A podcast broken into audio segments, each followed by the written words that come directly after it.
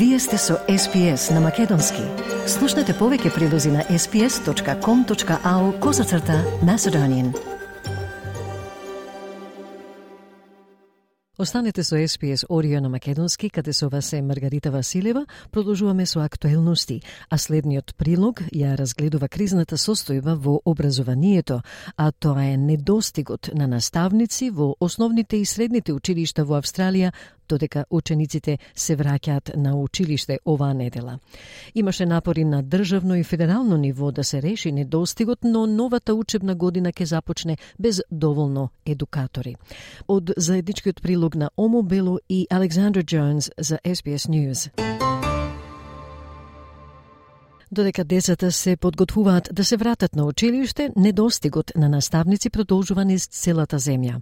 Нов извештај открива дека многу училишта се борат да ги пополнат улогите со полно и повремено работно време, со оглед на тоа што Нов Јужен Велс е најтешко погоден и другите држави и територии имаат голема потреба од повеќе наставници.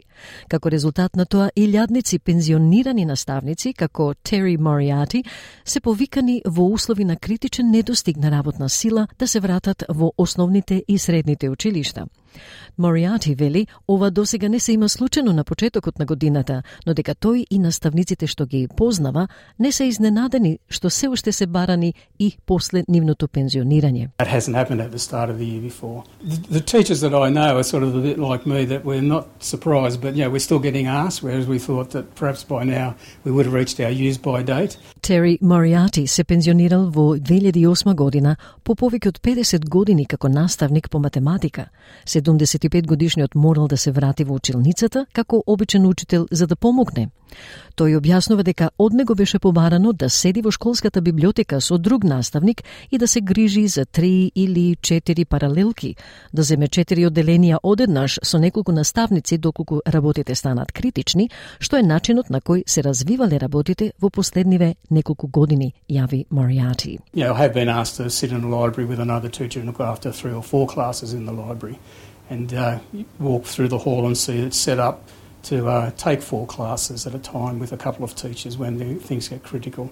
So that's been ongoing for the last couple of years. Извештајот открива дека речиси 2000 наставнички позиции со полно работно време биле оставени непополнети во училниците во Нофижен Велс на крајот на минатата година и дека 10.000 паралелки низ државата морале да се спојат или да се откажат.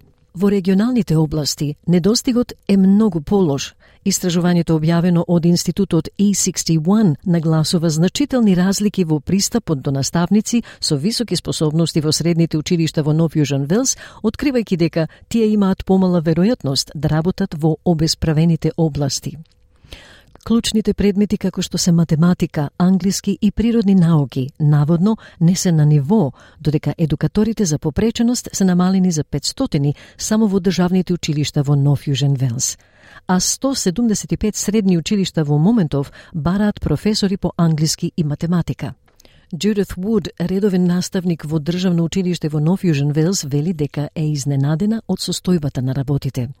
Таа вели никогаш не видела нешто слично во незините 39 години како наставничка во Австралија, каде што гледа наставници на почетокот на кариерата, во средината на кариерата и, и подоцна, кон крајот на нивната кариера, да ја напуштат професијата затоа што го чувствуваат стресот до толку голем степен што тој влијае на нивното здравје и благосостојба, вели would. In my 39 years of teaching and 25 or 26 in Australia, where I am seeing early career, mid career, and late career teachers making the decision to leave the profession or leaving their permanent roles and maybe just taking on a few casual days because they are feeling the stress to such a, a, great degree that it is impacting on their health and well-being. Деновиве, исцрпеноста е честа причина за поплака меѓу просветните работници. Студентката по учителствување од Викторија, Челси Робертс, вели дека можела да ја забележи исцрпеноста кај наставниците за време на незиното неодамнешно преселување во регионална Викторија.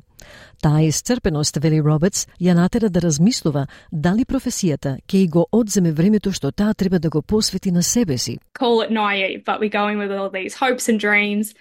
And if you've got a mentor who's burnt out, you can see how they've got to that point, but it's it's made me think, you know, when I get into this profession, will it take over my home time? Will it, you know, um, we'll have all this extra work to do because roles aren't being filled. Наставниците во Нов Южен Велс добија зголемување на платата минатата година, со што стана најдобро платените наставници во земјата. Исто така се нудат федерални стипендии, грантови и попусти на долгот ХЕКС, за да се направи наставата попривлечна. Но федералниот председател на синдикатот Australian Education Union, Корена Хейтоп, вели дека треба да се направи повеќе, поради што голем број наставници велат дека им е доста, не можат да работат 56 часа неделно, а комплексноста на учениците на кои не им се обезбедува поддршката што им е потребна, се зголемува, додава Хейтоп.